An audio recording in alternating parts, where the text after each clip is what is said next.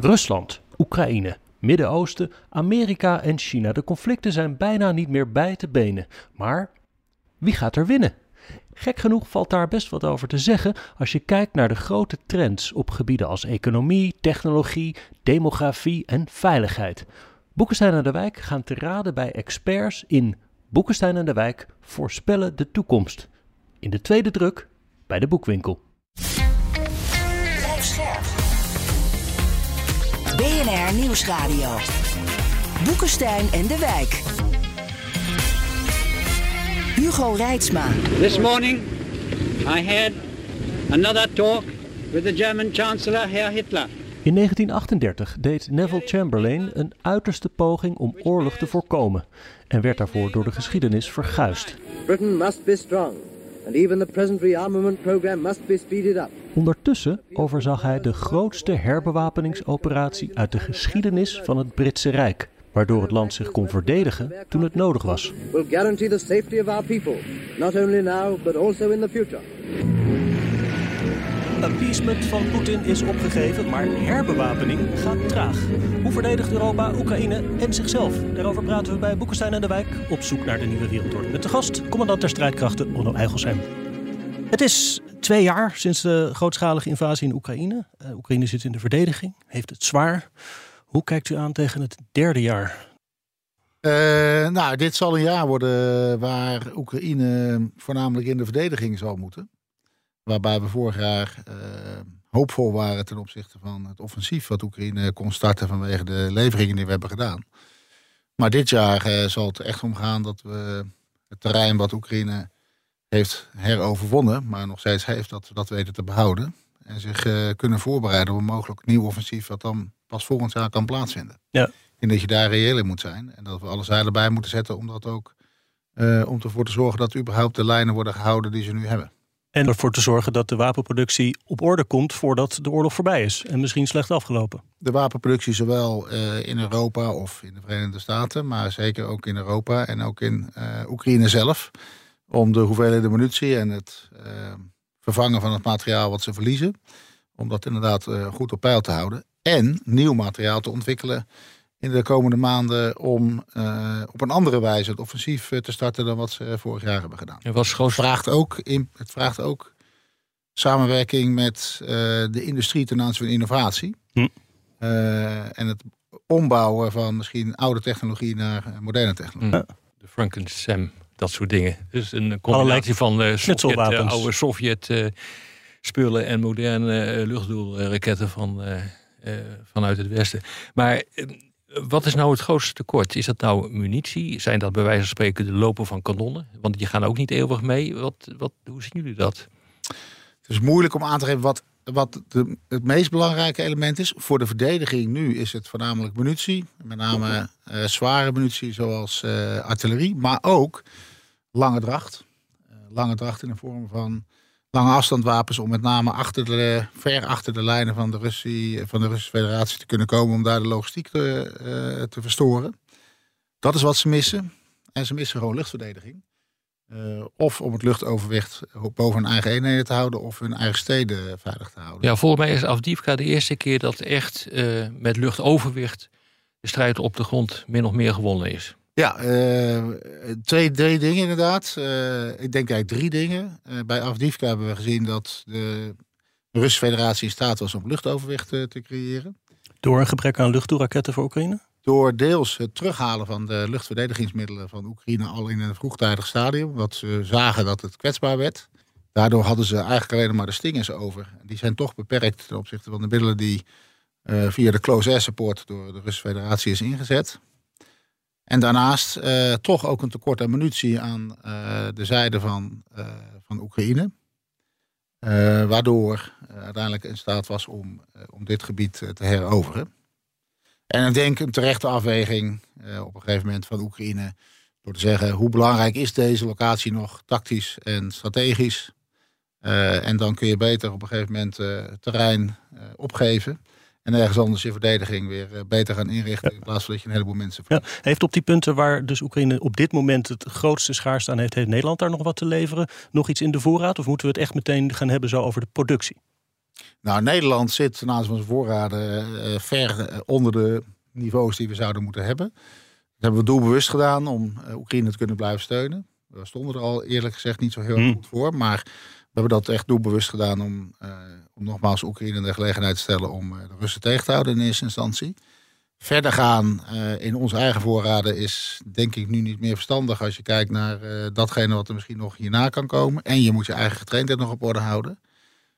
Je kunt altijd met je partners kijken naar of je een samenspel kan krijgen van luchtverdedigingsmiddelen die je toch nog met elkaar kunt gaan inrichten. Maar Nederland heeft wat dat betreft grootste deel van haar capaciteit kom is geleverd aan Oekraïne.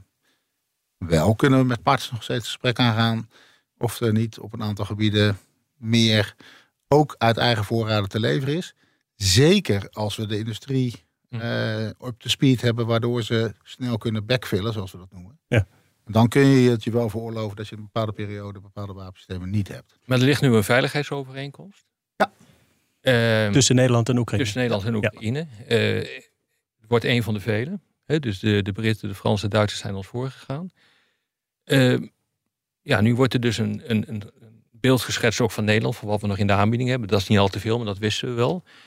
Maar hoe uh, werkt dat dan in op zo'n veiligheidsovereenkomst? Want daarin uh, wordt ook gezegd uh, dat er ook wapens moeten worden geleverd en munitie worden geleverd. Ja, ja waarvan we eigenlijk al vorig jaar begonnen zijn met het omswitchen van dat we moeten leveren via de industrie.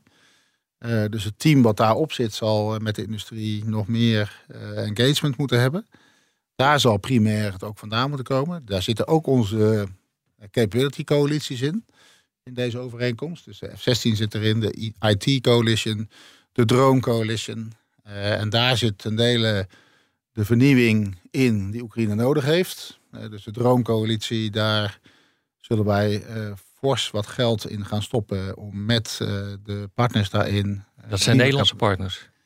Nou, dat zijn, daar zitten Nederlandse uh, bedrijven in, maar daar zit ook, daar zitten ook gewoon Europese bedrijven in.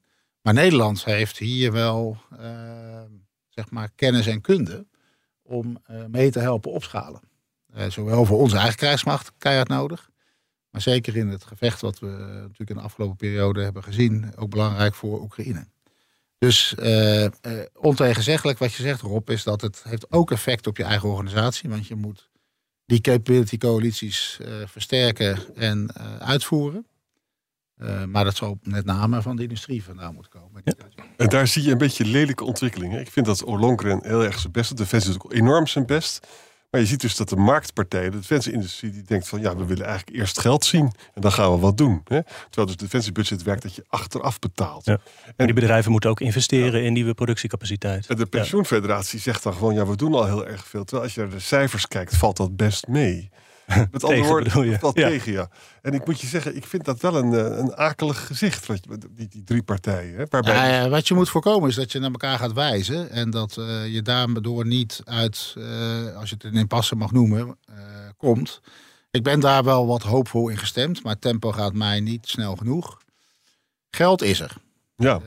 Europees gezien hebben alle, bijna alle krijgsmachten er fors veel geld bij gekregen. Dus het geld is beschikbaar. Uh, zowel wij als de bedrijven weten welke behoeftes we hebben. Dus daar kun je als industrie, vanuit mijn perceptie, eerder op inspelen door bij de vermogensbeheerders en bij de banken uh, investeringen aan te vragen. Banken werken mee. Van, uh, ja, voor het versterken van je productiecapaciteit. Daar hebben we wel de afgelopen maanden aan moeten werken om ervoor te zorgen dat de banken hun kaders verzetten, hun blik verruimen en mm nu wel bereid zijn om in de defensieindustrie te investeren. Dus je hebt nu wel zo'n beetje de cirkel rond. Uh, maar gezien de situatie in Oekraïne moet je nu heel snel uh, acteren.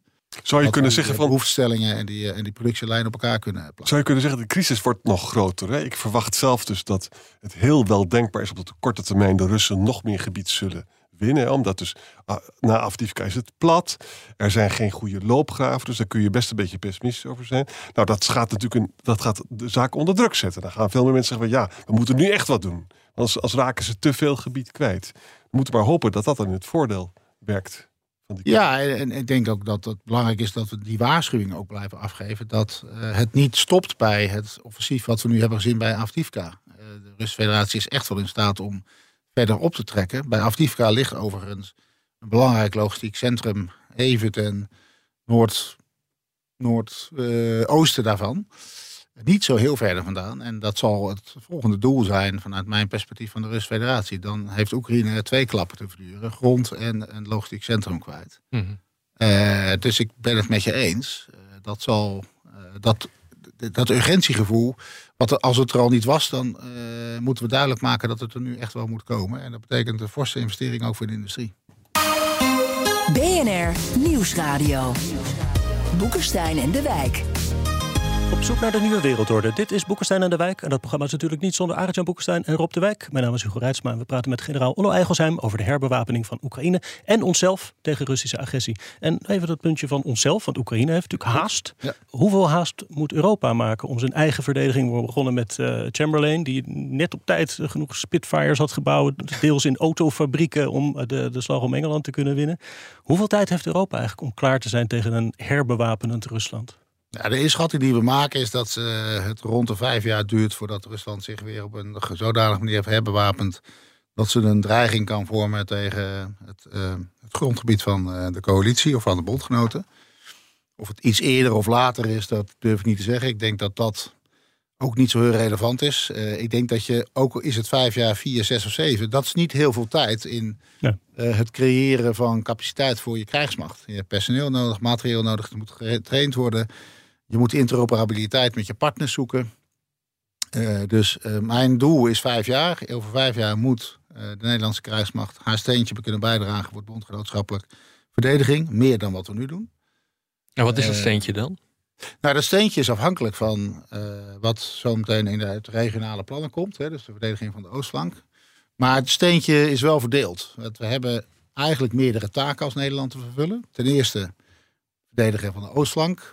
Uh, ze zullen onze bijdrage leveren, met name samen met Duitsland, in de Duitse divisies uh, in het gebied van uh, Litouwen. Waar we nu ook zitten, dus dat zal een deel daarvan zijn. We zullen een reserverol, een operationele reserverol op ons nemen.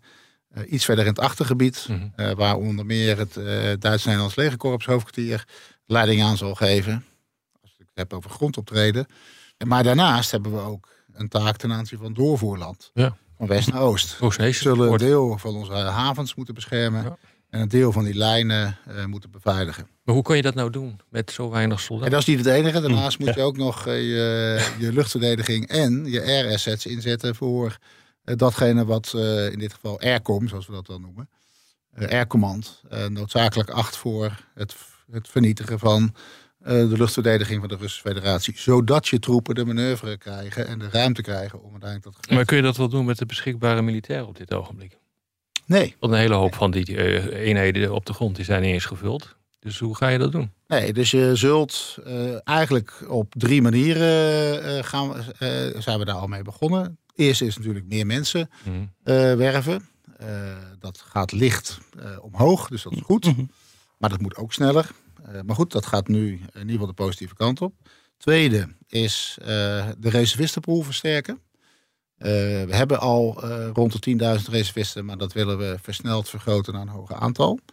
Daar ook je trainingscapaciteit op aanpassen. Betekent dat we verkorte trainingsmomenten en verkorte trainingsduur hebben.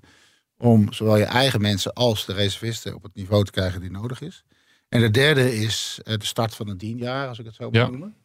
Uh, waardoor je uit de maatschappij jonge mensen haalt die een jaar bij ons werken. En we trainen ze ook.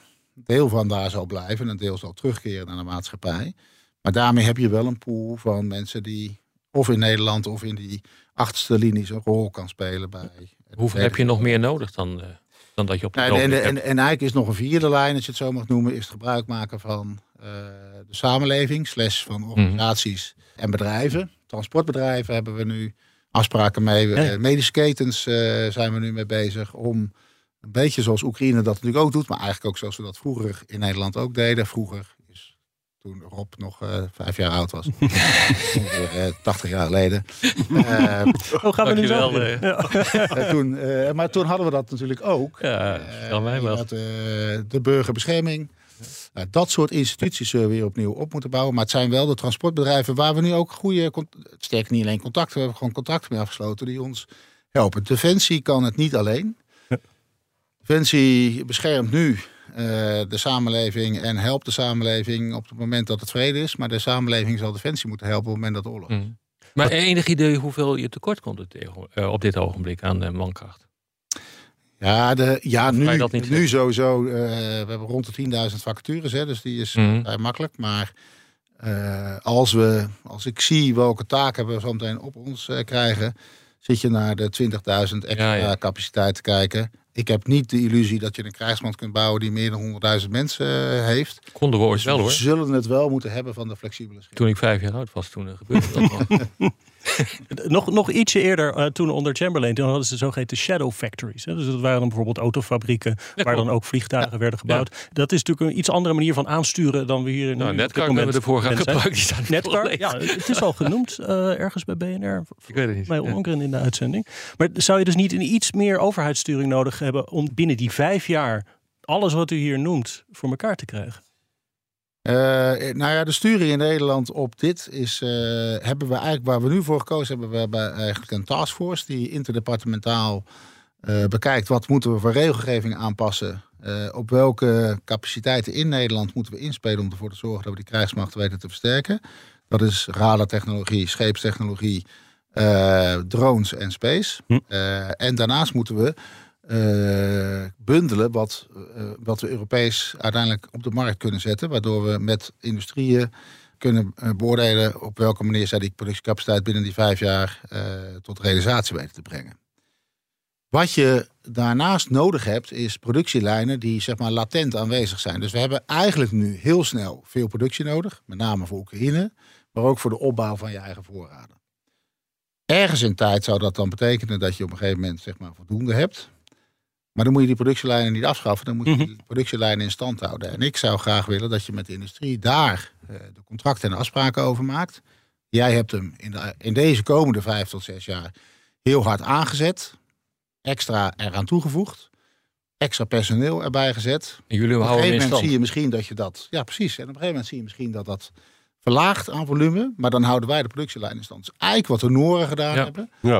Die hebben een productielijn gekocht als overheid was ook een overheidsbedrijf. Overheidsbedrijven doen het beter eigenlijk dan de private industrie hier. Hè? Op sommige momenten kan dat beter zijn, inderdaad. Maar volgens mij kun je dit ook met de private industrie doen. Dus dat is een beetje eh, mhm. hoe, ik, mhm. hoe ik kijk, hoe we met elkaar moeten kijken eigenlijk in Europa. Hoe je dit dan uh, zeg maar uh, in stand houdt en dan op kunt schalen op het moment dat het nodig is. Maar, maar even terug daarna. Hè. Dus ik begrijp dat en dat is ook, klinkt ook logisch en dat is het ook denk ik. Ehm, zegt van, uh, nou, over een jaar of vijf uh, kan de Russische krijgsmacht weer op, uh, op orde zijn. Ja, inderdaad. tegelijkertijd is het probleem nu voor Oekraïne. Ja. En ja. er zijn nu tekorten aan van alles. Hoe overbrug je dan dat gat? En zorg je ervoor dat Oekraïne niet compleet onderuit gaat? Ja. Ehm, nou ja, wat we dus nu doen is, uh, we, we, komen er wel achter uh, dat er ook gewoon nog steeds bedrijven zijn. Kijk naar de Tsjechische. Ja. Uh, de Tsjechen komen bijna als donderslag bij helder ja. We hebben er toevallig nog 750.000 gevonden. we hebben alleen financiële middelen nodig om dat uiteindelijk los te weken. achteraf zien we dat die middelen wel op andere plekken liggen dan op Tsjechië, maar dat maakt niet uit. Hm. dus op die manier doe je dat aan de ene kant. Ja. Uh, en aan de andere kant uh, betekent het toch twee dingen.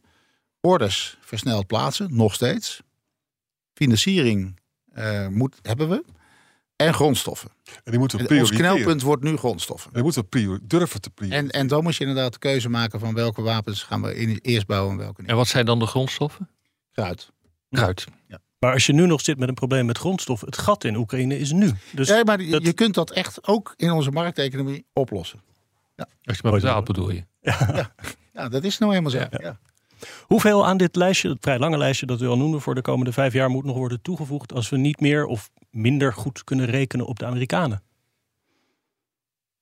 Nou ja, de Amerikanen leveren nu ongeveer 70% van hetgeen wat we voor het bondgenootschap nodig hebben. Ik denk dat dat al uh, veel te veel is. Dat zou je terug moeten halen naar 50% uh, eh, of misschien wat minder.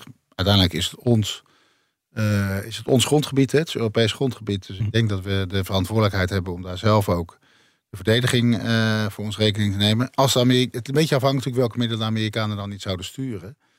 Maar die zitten er met name op uh, op ISR-assets, op EW-verkenning, elektronische oorlogsvoering, verbindingen, lange afstandswapens.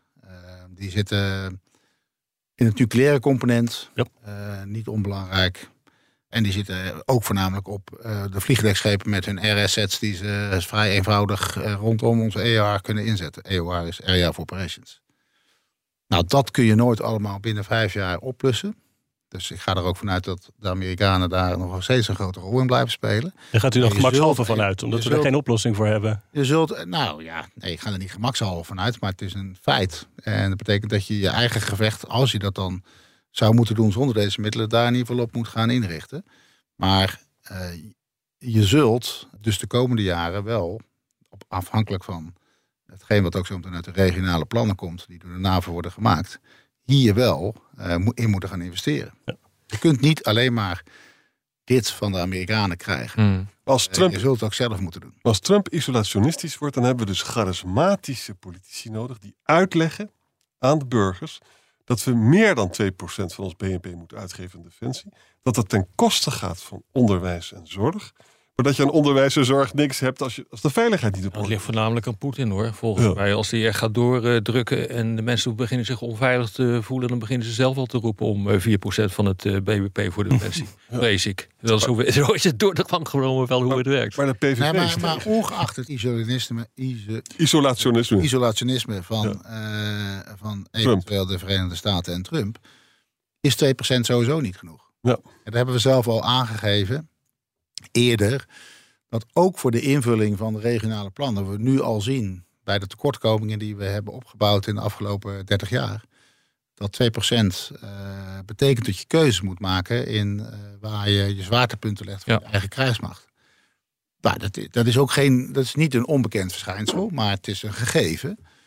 Uh, en ik ben het wat dat betreft met je eens. Je zult keuzes moeten maken, ook ten opzichte van de andere elementen die je maatschappij uiteindelijk draaiende houdt. En uh, jij zei het net, veiligheid is wel de basis waarop je ja. de rest kunt doen. Dus die switch moet je maken. Ik noem dat ook een onderdeel van de weerbaarheid van onze mm. samenleving. Dat betekent opoffering op een aantal gebieden. Of dat onderwijs moet zijn of zorg, dat weet ik niet. Er zijn nog andere keuzes, denk ik, die je kunt maken. Maar dat is aan de politiek. Of je, hoe ver je wilt gaan ten aanzien van uh, het percentage wat je aan defensie besteedt. Als je nou alles bij elkaar optelt, hè, je noemde de regionale plannen. Dat zijn dus de geheime verdedigingsplannen van, uh, van de NAVO, maar zo te zeggen. Ik hoop niet dat uh, Poetin die ziet, want dan is het uitgelekt. Toch? Ja, dat is niet klopt, handig. Dat klopt. Mm. dan hebben we vervolgens, we zijn begonnen met die veiligheidsovereenkomsten. Um, er wordt nu behoorlijk geïnvesteerd in defensie. De, de defensieindustrie wordt opgekrikt. In hoeverre zou dat nou de perceptie bij Poetin kunnen veranderen dat hij zo niet door kan gaan en dat die afschrikking daadwerkelijk hersteld wordt? Ten aanzien van het bondgenootschap denk ik dat hij dat heel scherp krijgt. Dus dat zullen we ook echt moeten laten zien. Ten aanzien van Oekraïne denkt hij dat hij nu, dat hij nu nog het idee heeft dat hij dit gemakkelijk kan winnen. Uh, dus het is juist daar uh, aan ons om dat tijdig af te schrikken. En daar zit denk ik onze grootste uitdaging om de perceptie van Poetin een beetje bij te sturen. Op de radio eraf, maar op de podcast gaan we langer door met luisteraarsvragen. Luistert u op de radio, dan verwijs ik naar boekensteinendewijk.nl of uw favoriete podcast-app. Maar eerst even dit. Hardlopen, dat is goed voor je. En Nationale Nederlanden helpt je daar graag bij. Bijvoorbeeld met onze digitale NN Running Coach... die antwoord geeft op al je hardloopvragen. Dus, kom ook in beweging. Onze support heb je. Kijk op nn.nl slash hardlopen. Een berichtje van Odido Business. Hoe groot je bedrijf ook is of wordt, bij Odido Business zijn we er voor je. Met unlimited data en bellen en met supersnel en stabiel zakelijk internet. Ook via glasvezel. Ontdek wat er allemaal kan op odido.nl/slash business. Het kan ook zo. Dirk Kwakkel vraagt dat opschalen van de bouw van tanks, artillerie, panzervoertuigen. Tijdkost is begrijpelijk. Dat zijn technisch geavanceerde en grote machines. Maar waarom is na twee jaar oorlog de artilleriemunitieproductie nog altijd niet op gang? Dat is toch niet zo'n hoog complex materiaal? Dat klopt. Zit hem dat weer in dat buskruid? Ja, dat klopt. Uh, het zit hem deels in de grondstof inderdaad. Maar het zit hem ook gewoon in het feit dat we die productiecapaciteit niet hadden. Dus de fabrieken waren gewoon uh, domweg niet. En uh, die hebben de fabrieken die we hadden, die hebben hun productielijnen wel enigszins weten te vergroten. Maar dat is niet genoeg als je kijkt naar het verbruik wat we in Oekraïne hebben gezien. En dat, is het tweede, denk ik, waar we toch ook uiteindelijk in verrast zijn geweest. Het verbruik is extreem hoog. En dat hadden we niet eerst gehad. Ja. Thomas Dijker vraagt in hoeverre bepaalt de afdeling inkoop of uh, wetgeving op dit gebied de snelheid waarmee Nederland of Europa de defensie kan opbouwen?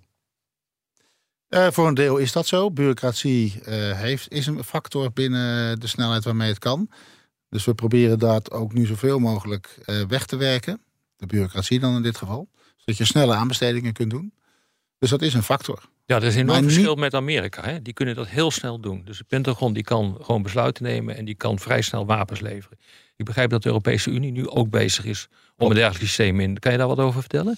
Nou ja, eh, allereerst voor uh, Oekraïne is die beperking er nauwelijks. Uh, dan is het direct naar een, uh, naar een bedrijf gaan aangeven wat je nodig hebt. En dan kan het worden geproduceerd of geleverd. Dus je ziet dat die regelgeving vrij makkelijk gaat. En dat is eigenlijk ook hoe nu Europa ernaar kijkt. Dus dat betekent dat we een deel van onze Europese aanbestedingswet zullen veranderen. Waardoor die concurrentie die je nu hebt eigenlijk mag worden beperkt. Hm. En je eigenlijk veel directer naar een bedrijf toe kunt. Dat is eigenlijk waar in grote lijnen wat er hm. nu aan gewerkt wordt.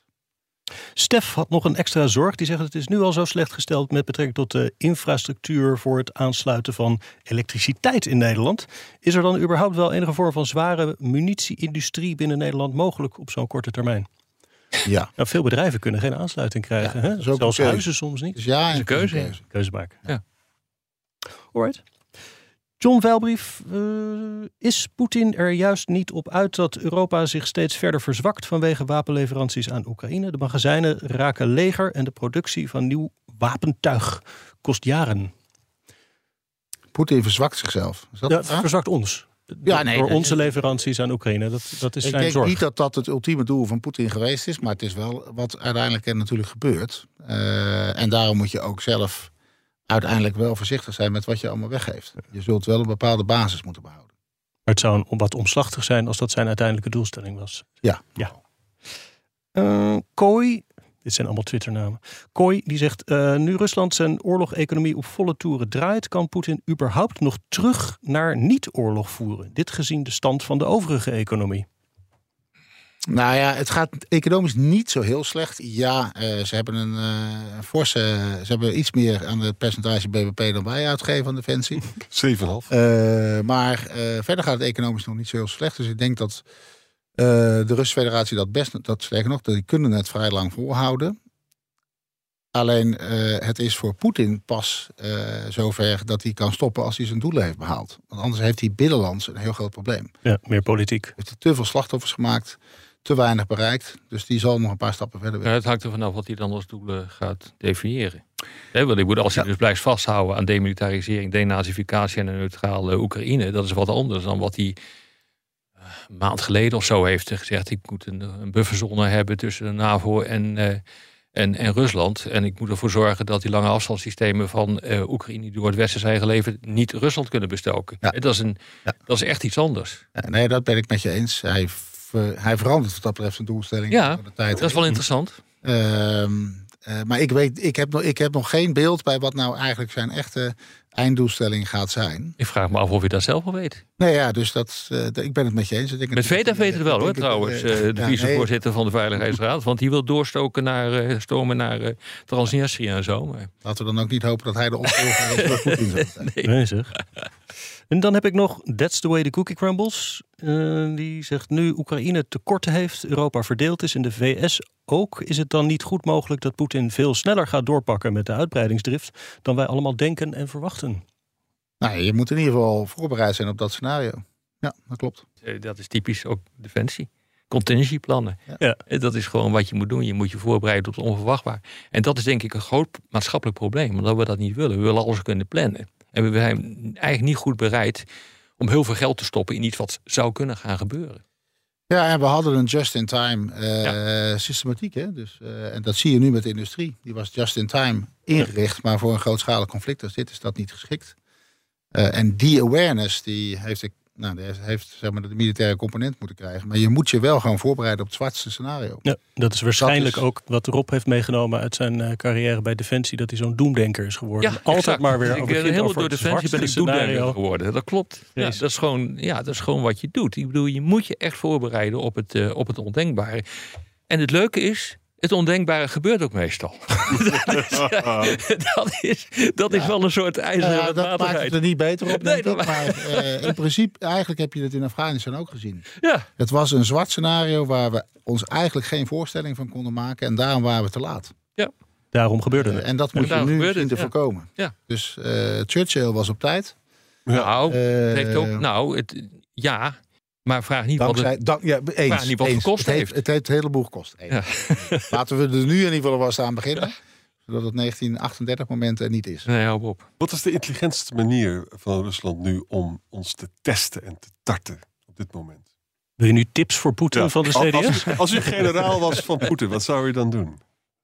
Nou ja, hij heeft, uh, daar heeft hij wel wat mogelijkheden voor trouwens hoor. Dat is, uh, ik denk drie.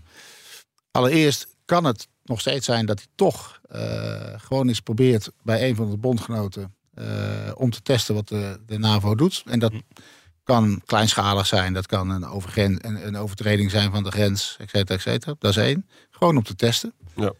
Hij kan dan zelf zeggen, nou ja, ik heb dat stukje ingenomen, daar leg ik de nucleaire paraplu overheen. Uh, om gewoon te kijken hoe wij daarop reageren. de andere is, is dat hij toch uh, daadwerkelijk nucleaire wapens ergens plaatst, zodanig dichtbij, uh, bijvoorbeeld in Wit-Rusland ja. uh, of ergens anders aan de grens, om ons ook daarop te testen wat de reactie is. En de derde is een, een, extra front toch bij Oekraïne starten. Mm -hmm. ja. niet zijnde in de Donbass of niet zijnde in, de, in, de, in de zuidelijke regio. Opnieuw vanuit het noorden bijvoorbeeld. En hou Kaliningrad in de Wat we nu niet zien, hè? Maar, mm -hmm. uh, dat kan. Ja. Kaliningrad. Ik bedoel, uh, als de Oostzee een NAVO-binnenzee is geworden, dan kan je in principe Kaliningrad afsluiten. Dus wil je een opening naar Kaliningrad proberen te forceren, dan moet je dat of uit Belarus of door, door Litouwen gaan doen. En de Litouwers, weet ik uit eigen ervaring, die zijn er redelijk benauwd voor. Ik acht de kans op deze drie niet heel groot. Ik ook niet, maar, uh, maar je weet het maar nooit. Maar je moet je er wel op voorbereiden. Je moet wel nadenken wat je dan gaat doen. Zo is dat. Dit was er Boekenstein en de Wijk. Namens Aris en Boekenstein en Rob de Wijk zeg ik dank voor het luisteren. Speciale dank aan generaal Eigenshem en fijn weekend. Graag gedaan, fijn weekend. Hardlopen, dat is goed voor je. En Nationale Nederlanden helpt je daar graag bij. Bijvoorbeeld met onze digitale NN Running Coach... die antwoord geeft op al je hardloopvragen. Dus, kom ook in beweging. Onze support heb je. Kijk op nm.nl slash hardlopen.